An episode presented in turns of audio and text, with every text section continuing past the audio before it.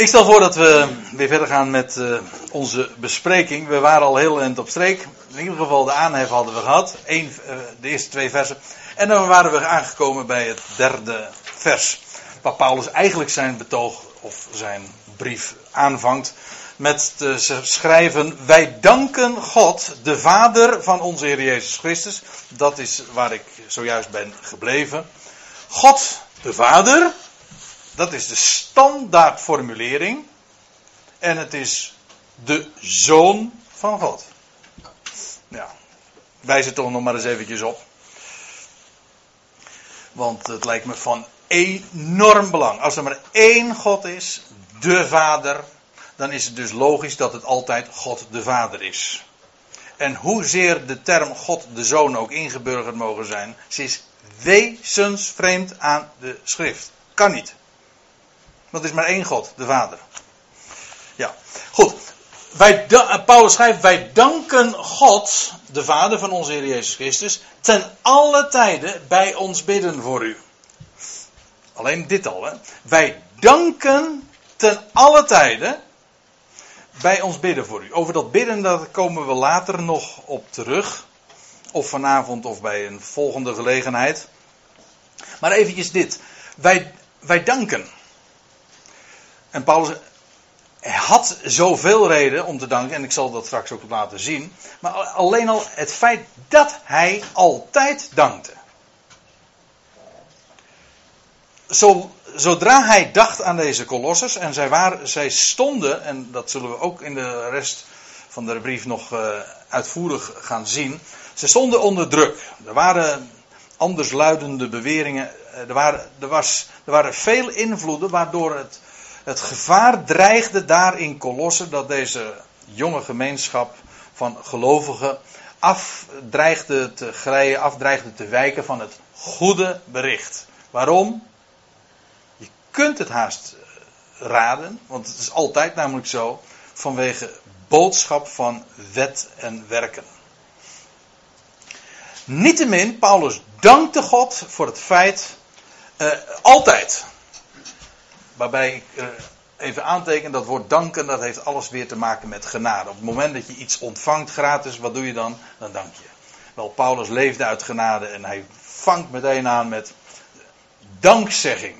Dat is karakteristiek voor iemand die leeft uit genade. Wij danken God ten alle tijden bij ons bidden voor u, daar wij gehoord hebben van uw geloof in Christus Jezus. Nou, over dat geloof in Christus, daar hadden we het al even over, want dat stond al in vers 1 of 2. Ja? Gelovigen in Christus. Maar hier zegt hij: Wij hebben gehoord van uw geloof in Christus Jezus. Ook hier weer Christus Jezus. Maar het louter feit dat Paulus dit op deze wijze formuleert, geeft al aan dat Paulus zelf daar niet in Colosse was geweest en uh, door zijn prediking deze mensen tot uh, geloof waren gekomen, of gelovig waren geworden. Want hij had ervan gehoord, zegt hij. Wij hebben gehoord, van, wij, wij danken altijd, waarom, zegt hij? Nou, van, daar wij gehoord hebben van uw geloof in Christus Jezus. In Christus, dat wil zeggen de opgewekte uit de doden, en wie is dat? Wel, Jezus die hier op aarde leefde en zijn stierf aan, aan het kruis van Golgotha. En dat zeg ik nou niet omdat het vandaag Witte Donderdag is en morgen Goede Vrijdag, maar dat is de basis van waar we het over hebben. Als Paulus het evangelie samenvat in 1 Korinthe 15, dan zegt hij: Het eerste wat we, wat we vertellen is: Christus Jezus is gestorven naar de schriften. Hij is begraven en te derde dagen opgewekt uit de doden. Dat is het ABC van het evangelie. Is een met recht dus een bericht ook. Ja, het is goed bericht, maar het is ook echt een bericht. Dat wil zeggen, een mededeling. Iets wat gebeurt, een feit wordt verhaald. En je, je kunt het goede bericht kun je op twee manieren onderuit halen. Namelijk, of je zorgt ervoor dat het niet meer goed is. Dan is in, de christenheid is het ook in beide gebeurd. Het enige, het, in, de in de orthodoxie is het nog steeds een bericht, maar geen goed bericht. In de vrijzinnige wereld is het misschien wel goed, maar geen bericht, maar daardoor ook geen goed bericht meer. Als u begrijpt wat ik bedoel. Ja, dan zeggen ze bijvoorbeeld, uh, uh, het is een, een levensleer. Het komt uiteindelijk misschien allemaal wel goed, maar het gaat er vooral om dat je goed leeft. Hè? Dat is de, het evangelie betekent dat we Jezus, kent u dat soort terminologie, dat we Jezus navolgen en dat we, dat we zo ons inzetten voor de gerechtigheid in deze wereld en voor de politieke structuren. Nou, ik kan het heel deftig en mooi zeggen, maar het is allemaal gebaseerd op wat wij zouden moeten doen onderling of in een groter geheel de wereld beter maken. is 2000 jaar nog niet erg goed gelukt. Maar het, het, is, het staat zo haaks, ook, ook dat trouwens, ook op, op het evangelie, het goede bericht. Want het, het goede bericht is juist de mededeling dat deze wereld inderdaad goed gaat worden. En we krijgen een betere wereld niet door onze inzet en onze toewijding, maar dat zomaar gratis voor niks gaat dat allemaal straks binnenkort gerealiseerd worden. Als hij straks zal verschijnen, de termijn is per slotverrekening bijna aan het, is aan het aflopen, en dan zal hij verschijnen en dan komt die betere wereld er vanzelf. Namelijk, daar zorgt hij voor. Maar het is een bericht, een mededeling. En het is goed. En we hadden het dus juist even in de pauze over. Uh, hoe van beide kanten. Of men, men, men, het wordt van zijn historische basis, zeg maar, ontdaan. En, en dan wordt het een, een, een, levensleer, een filosofie, of een, een of andere moralisme, of een politieke ideologie, of whatever. Maar geen bericht meer, geen mededeling. Zoals een nieuwslezer zegt van dit is gebeurd, dat is gebeurd. Een, dat is immers wat een bericht is. Ja, als het, als geloof niet gebaseerd is op feiten, dan, dan gaat het helemaal nergens over. Met dank aan wat Paulus eerder uh, ook al schreef in datzelfde hoofdstuk, 1 Korinthe 15. Als Christus niet uit de doden is opgewekt, nou dan dan zijn wij valse getuigen. En zonder inhoud is uw geloof en zonder inhoud is ook onze prediking. Kortom, leeg, hol, slaat nergens op, is ijdel, stelt niks voor. Maar je kunt ook het, het, het, bericht intact laten. Dat wil zeggen wel zorgen, vertellen bepaalde feiten. Jezus is gestorven.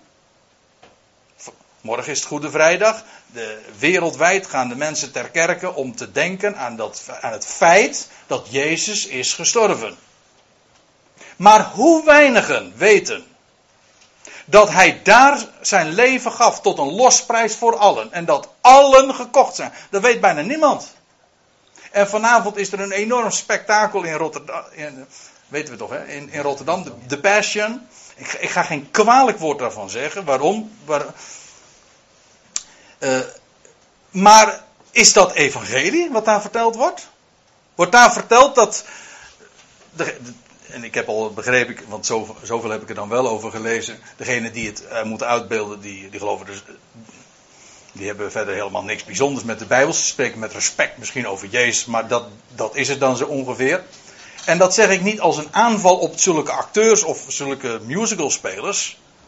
Ik wil alleen maar zeggen, het evangelie is een, een bericht, maar het, het is de mededeling, hij gaf zijn leven. Maar vervol, wat, je, wat men ervan gemaakt heeft, is hij gaf, hij gaf zijn leven en dan ja, voor een aantal. Voor de uitverkorenen of voor degene die voor Jezus kiezen. En dan heb je nog geen goed bericht. En dan kun je zondag Pasen vieren en dan zeggen ze: De Heer is waarlijk opgestaan. Ja. Maar waarom is dat nou zo'n geweldige. Waarom is dat een geweldig feit? Omdat hij de garantie is dat de dood uiteindelijk als laatste vijand er niet gedaan wordt. En dan is er geen dood meer en dan leven alle. Is dat niet, als dat niet waar is, dan is het dus geen goed bericht. En dit is geen theorie hoor, waar ik het nu over heb, want dit is allerwege gebeurt met het, met het goede bericht, dan is er of geen bericht meer, en alleen maar moralisme of ideologie of een filosofie.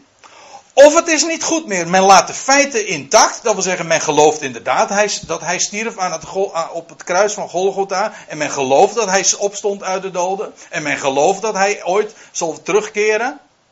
Maar goed is het allerminst. Het is hel en het is verdoemenis wat daar omheen hangt.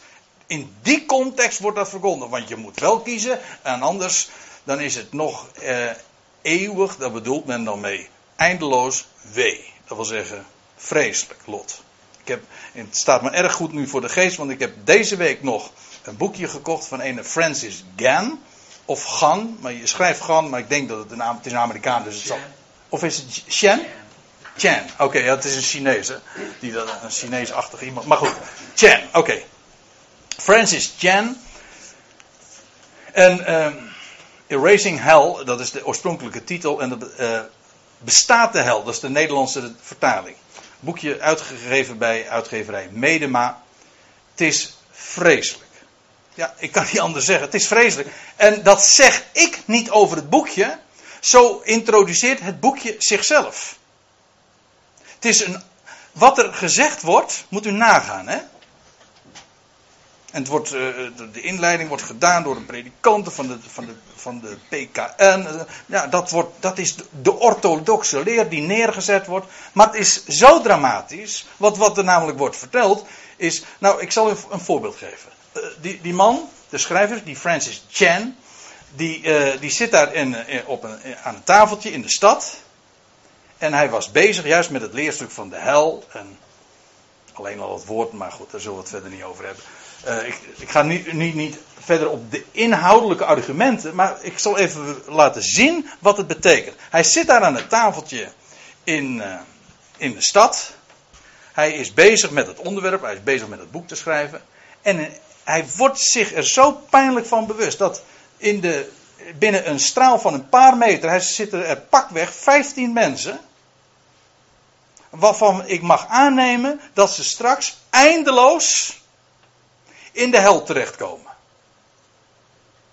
En dan spoort hij de lezer ook aan om je dat heel goed te beseffen.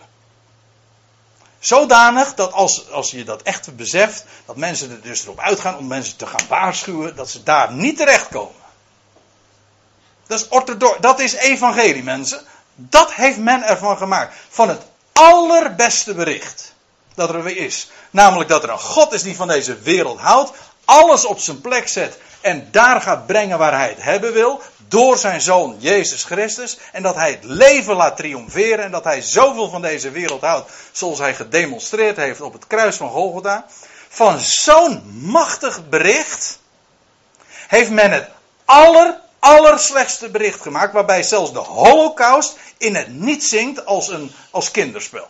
En dat is geen retoriek die ik nu vertel, want uiteindelijk was dat een gebeurtenis. Hoeveel mensen het ook betrof, het duurde een paar jaar. Maar nu hebben we het over de hel. En dat is een drama voor miljarden, voor de meerderheid van de mensen. Voor eindeloos. Welkom in het Evangelie. Ja, je zou er inderdaad hard om lachen. Als, je, als het niet echt dodelijke ernst was. Ik weet niet eens of ik het hier in deze kom, uh, uh, zomaar mag zeggen. Hè? Het is de voorhof beslot. Nou ja, het is de voorhof. Verder komen we niet, nee. Nou ja, dan moeten we maar een andere lokaliteit zoeken. Maar uh, ik, ik bedoel, dit is toch vreselijk? Dat zulke dingen verteld worden. En dat allemaal onder het etiket evangelie. Begrijp. En je, ja, wat moet je, wat moet je er zeggen, van, van zeggen? Dat zoveel honderdduizenden jaarlijks afhaken. En dan zeggen ze, ja, ze hebben het geloof vaarwel gezegd. Nou, forget it. Dat is niet zo. Ze hebben een boodschap, zeggen ze vaarwel.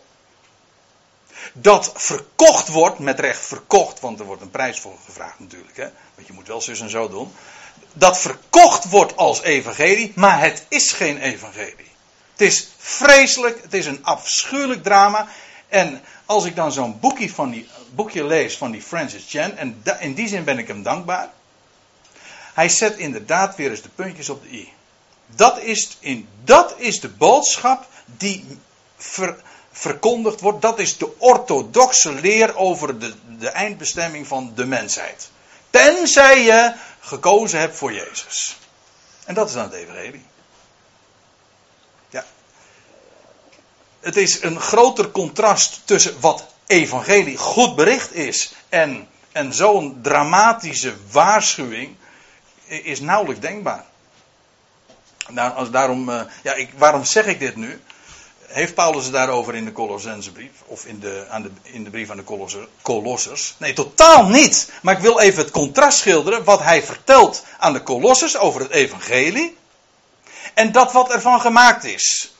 Ik zou haast uh, in de verleiding komen, maar ik doe het niet. Om te verwijzen weer naar dat vers, vers 23. Hè, dat Paulus waars, ja, dan waarschuwt hij de Colossers om niet af te wijken van de hoop van het evangelie. En dat is precies wat massaal is gebeurd in de christenheid. Niet, uh, niet uh, lang na Paulus verscheiden is dat gewoon inderdaad uh, in allerwegen gebeurd. In eerste instantie waren het een paar kopstukken die zulke dingen bedachten. En het heeft massale navolging gevonden.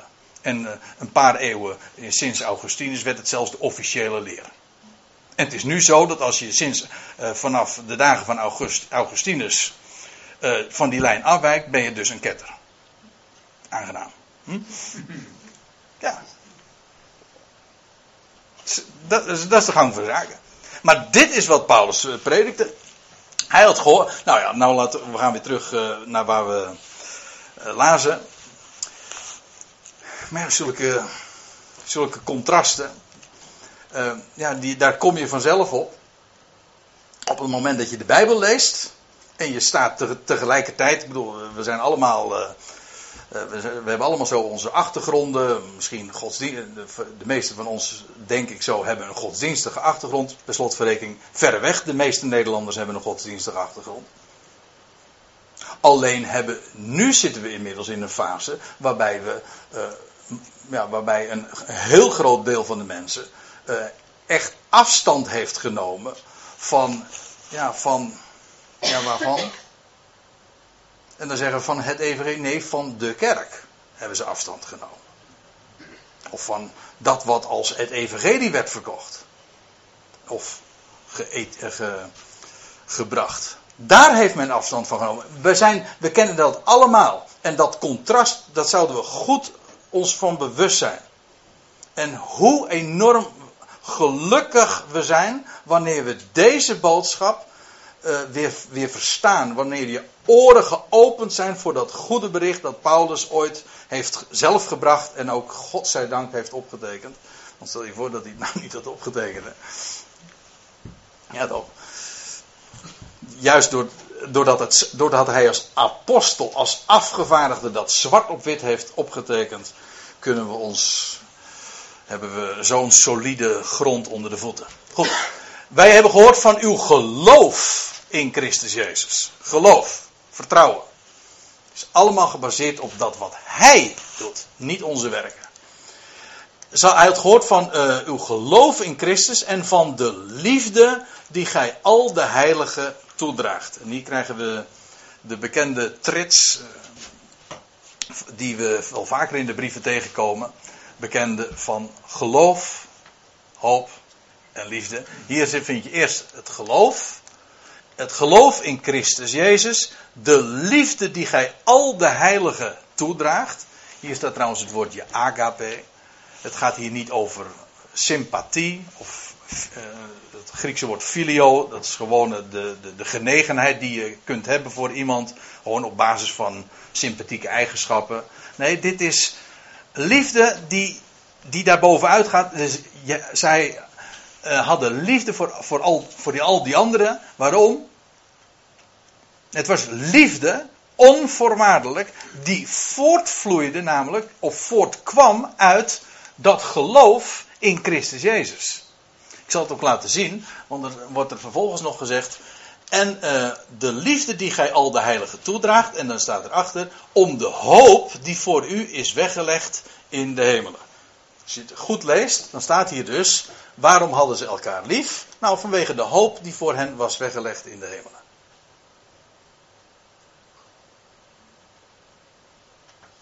Waaruit dus blijkt dat dit ook geen menselijke liefde is. Dat is niet iets wat, dat is niet iets wat sympathie of, of genegenheid zomaar in de natuurlijke verbanden kan voortbrengen. Echte liefde, echt van de ander houden. Waarbij ik zeg onvoorwaardelijk. Want dat is wat dit woord liefde AKP betekent. Die liefde die wordt opgewekt vanwege de hoop die voor u is weggelegd in de hemel. En daarvan hadden ze gehoord. Kijk, zij hadden een woord gehoord. En het woord aangaande Christus Jezus. En dat hield zo'n enorme hoop, dat wil zeggen verwachting in. Maar dat maakt vervolgens liefde los of wakker. Of stort liefde in ons, ja, dat is een woord in, uh, in Romeinen 5. De liefde Gods is in onze harten uitgestort. Dat wil zeggen, dat, dat is allemaal het levende woord dat dat in een mens uh, bewerkt. Dan zie je, dit is allemaal werk van God. Je hoort een boodschap, maar het is een levend woord. Dus je krijgt niet een, een oproep van je moet dit of dat doen. Het is een bericht. Het is alleen maar een mededeling van Christus Jezus gaf zichzelf tot een losprijs voor allen. Hij werd opgewekt uit de doden als garantie voor, voor heel het mensdom. Nou ja, alles wat daarmee verband houdt. Is een mededeling. Wordt niets gevraagd, maar het louter beamen, het vertrouwen stellen op die boodschap, dat maakt liefde los. Nee, het geeft, laat ik het eerst goed zeggen. Dat geeft hoop, verwachting namelijk. En omdat het zo'n geweldige hoop is, een hele hoop, hoop, hè, ja, ja, dit is echt hoop voor iedereen. Verwachting.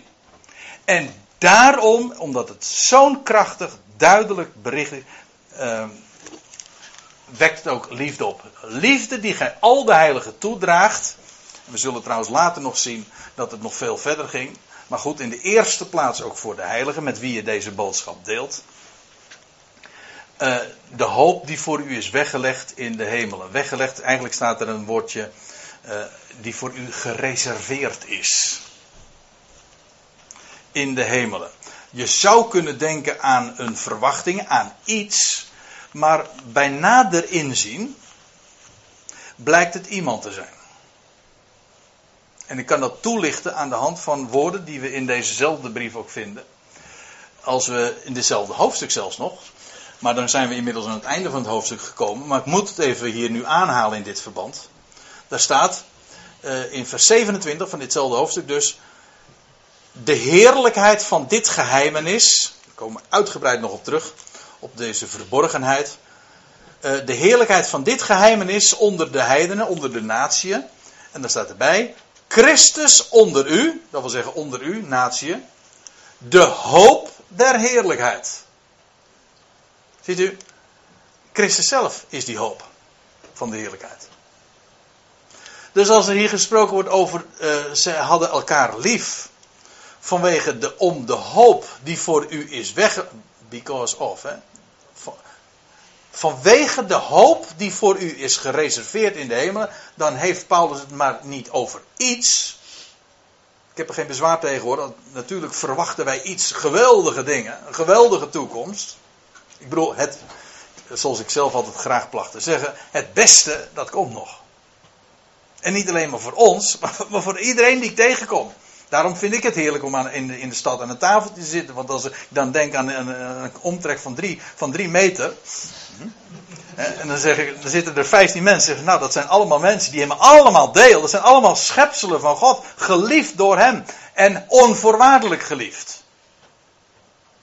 En dan gaat er misschien nog een diepe weg. God komt tot zijn doel met al die mensen. En hoe meer mensen ik zie. Mensen zeggen de wereld raakt overbevolkt. Ik zeg nou, hoe meer, hoe meer, hoe meer zielen, hoe meer vreugd. Toch? Die verwachting wordt alleen maar groter. Hoop voor elk mens. Christus onder u. De, de hoop der heerlijkheid. Nou, dat is wat we vertellen. Niet geen drama. Dan ben je trouwens al nog heel wat beter uit als je gewoon een atheïst bent. Niet waar? Want dan is het gewoon over, dan is het met de dood over en uit. De ergste, de ergste toekomstverwachting, de meest vreselijke toekomstverwachting is eh, heb je wanneer je een christen bent. Ja, ja eventjes. Uh, gewoon, als je nuchter erover nadenkt, is, dit gewoon een. Uh, iedereen moet het, uh, moet dit onderkennen. Als je gewoon open-minded tegenaan kijkt, kun je heel beter atheïst zijn. Dan, zeggen, dan, heb je, dan is met de dood over en uit. Maar als je christen bent, dan, dan begint het drama pas echt. Ja, maar dit is het, hè? de verwachting. En, maar eigenlijk is die verwachting belichaamd in iemand. Want hij is daar momenteel in de hemel. Vandaar ook voor u is gereserveerd in de hemel. Ja, want hij is daarboven. Later trouwens in de Colossensebrief zegt Paulus ook nog: bedenk de dingen die boven zijn. Ja, ik moet toch even de tijd in de gaten houden.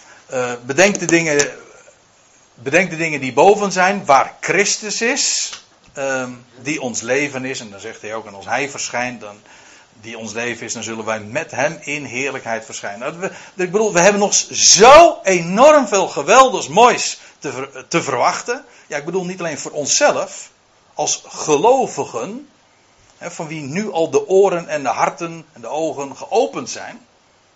Nee, maar gewoon voor de hele schepping.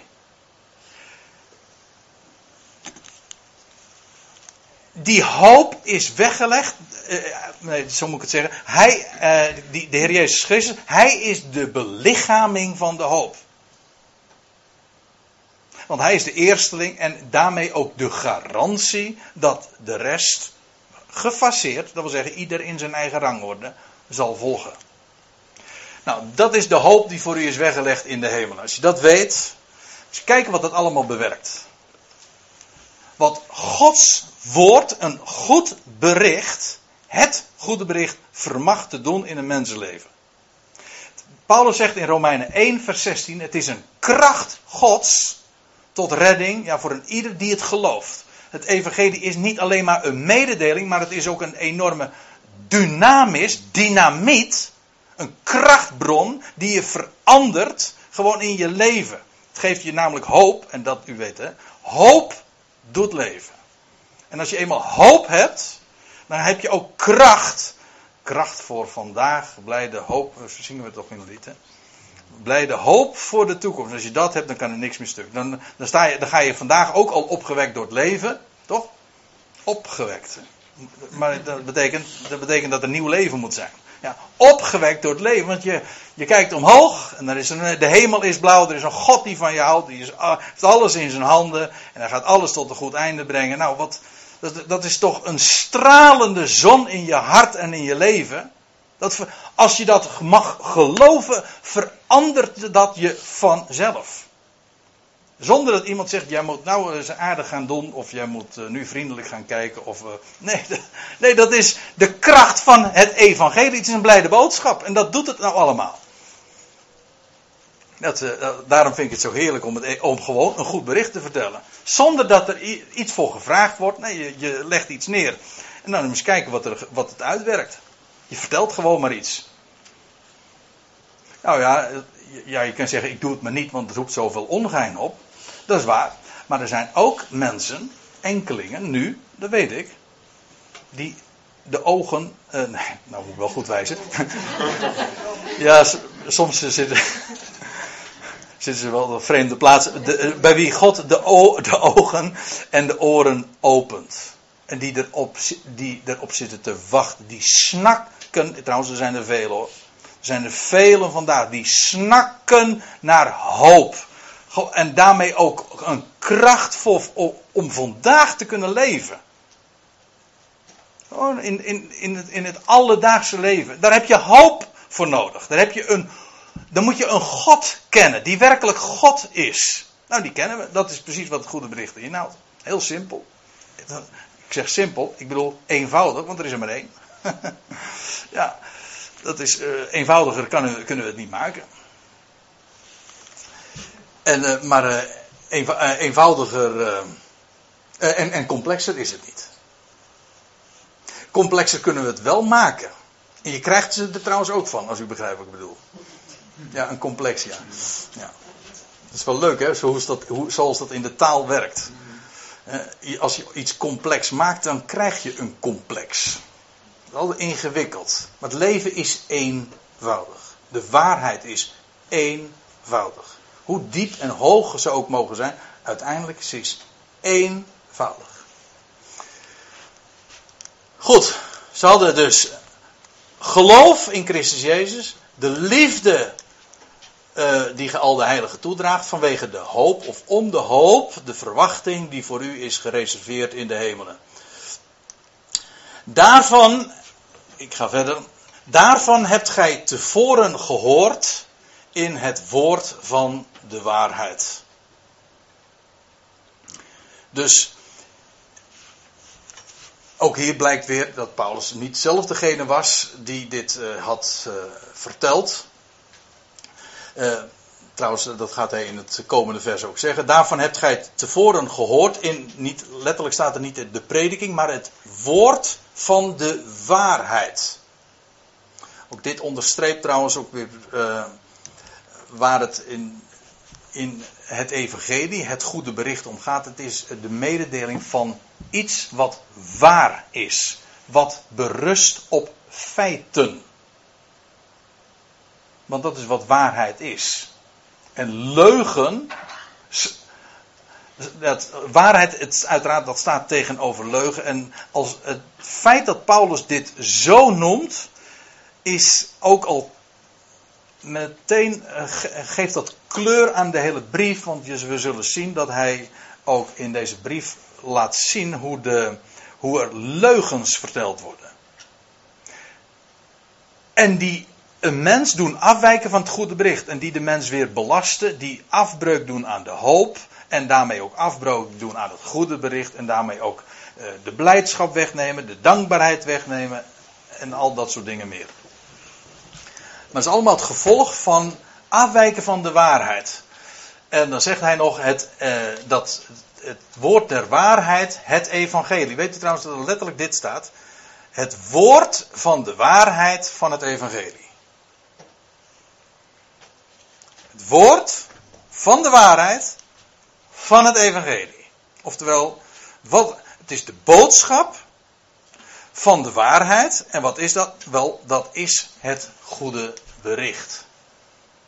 Ja, dat tot u gekomen is, immers in de hele wereld draagt het vrucht en het wast op zoals ook bij u.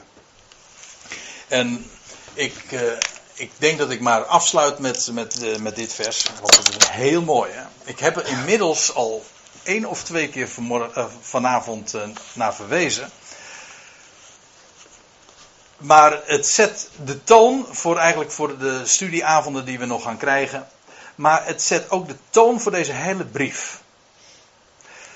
Als Paulus schrijft in vers 23. Ik wil het nu nog eens wat meer gearticuleerd en nog wat, wat langzamer voorlezen. Kijk. Hij spreekt over het, uh, dus over het, het woord van de waarheid, het evangelie. En dan zegt hij in vers 23. Indien gij slechts blijft, indien gij slechts welgegrond en standvastig blijft. Paulus hamert er zo op bij die kolossers. Dat ze niet zouden afwijken van het geloof. Dat is namelijk wat er dreigde te gebeuren daar in Kolossen. Want er waren mensen binnengekomen, invloeden, leraren, leerringen, leer, ja, die eh, de mensen gingen vertellen. Lees het maar na in hoofdstuk 2, vers 16 bijvoorbeeld. Die zeiden van uh, bepaalde spijzen, die gingen vertellen over eten. En die mensen gingen beoordelen in zaken eten en drinken. Of het stuk van een feestdag. Of een sabbat staat er. En er staat erbij dingen die slechts, of dingen die een schaduw zijn van wat komen moest. Dingen uit de Tenach, je hebt ze vandaag ook nog weer. Het komt altijd weer binnen. Heb je, Paulus, nee niet Paulus, maar e, eh, een Epaphras had daar in Colosse een goed bericht verteld over Christus Jezus. En wat komt er vervolgens? Mensen die zeggen van ja, dat is allemaal mooi en, en aardig. Maar, weet je wel, als je dat woord, maar, en dat doet vervolgens al het voorgaande weer niet. Je zou ook moeten letten op wat je eet en drinkt. Geen varkenslappies meer.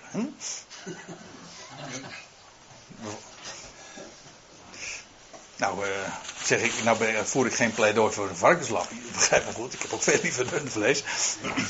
Uh, maar u begrijpt wat ik bedoel. Om godsdienstige reden dat niet te doen. Of zeggen van ja, bepaalde dagen te onderhouden. De Sabbat of de zondag. Of de Goede Vrijdag, ik noem maar wat. Hè. Al dat, dat hele kerkelijke jaar is in wezen gebaseerd ook weer op menselijke ideeën. Wat dacht u van rituelen? Besnijderis. Of dan moet je eerst ondergedompeld zijn in water, of bepaalde druppels moet je op je voorhoofd gesprenkeld zijn. Al de, welk ritueel ook.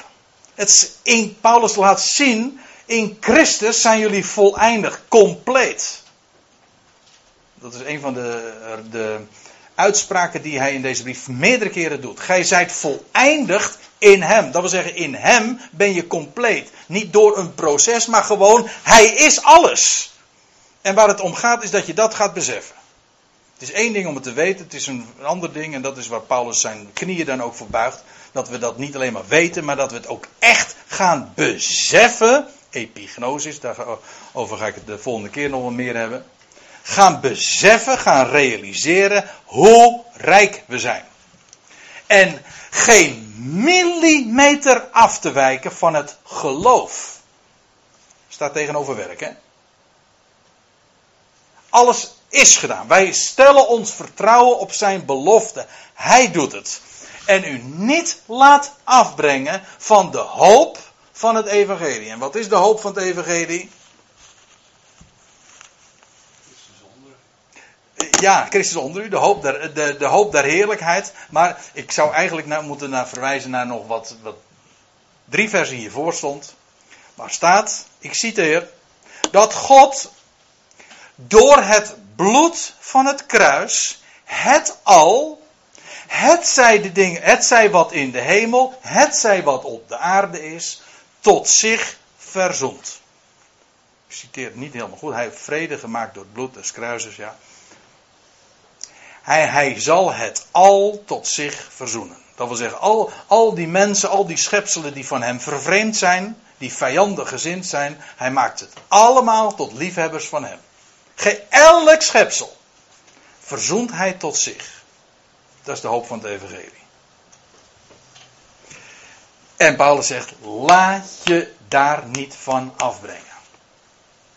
Niet laten afbrengen van de hoop van het evangelie dat gij gehoord hebt en dat verkondigd is in de ganse schepping. Dit is maar niet, zoals sommigen dan zeggen, van de, de slagroom op de pudding of een leuk extraatje nog van het evangelie. Nee, dat is de clue, mensen. De clue is, hij redt niet alleen maar een enkeling, nee, hij redt allen en dus ook u. Hoort u wat ik zeg? Ja, er is hoop voor iedereen en dus is er ook hoop voor mij. Dus het is wel heel persoonlijk. Ja, maar waarom is het zo persoonlijk? Het is universeel. Nou, dat is de boodschap die Paulus had verteld, die gij gehoord hebt en dat verkondigd is in de ganse schepping onder de hemel en waarvan ik, Paulus, een dienaar geworden ben. Hij zegt, dat is de boodschap die mij is toevertrouwd, die vertel ik jullie. Die vertel ik, die, schrijf, die teken ik op. Die hebben jullie gehoord van Epaphras en, en het heeft bij jullie, is, heeft, heeft het aangeslagen en jullie hebben het gehoord en jullie hebben het geloofd. En het doet zijn werk. Ja, ja, ik, ik, ik, ik uh, heb nog niet de neiging om nu amen te zeggen, want eigenlijk zit ik nog midden in mijn verhaal. Ik bedoel, de brief is net begonnen. Hè? Maar we moeten hier toch maar, uh, uh, maar eindigen. Ja, want het is inmiddels, zie ik, alweer vijf over tien. Ja.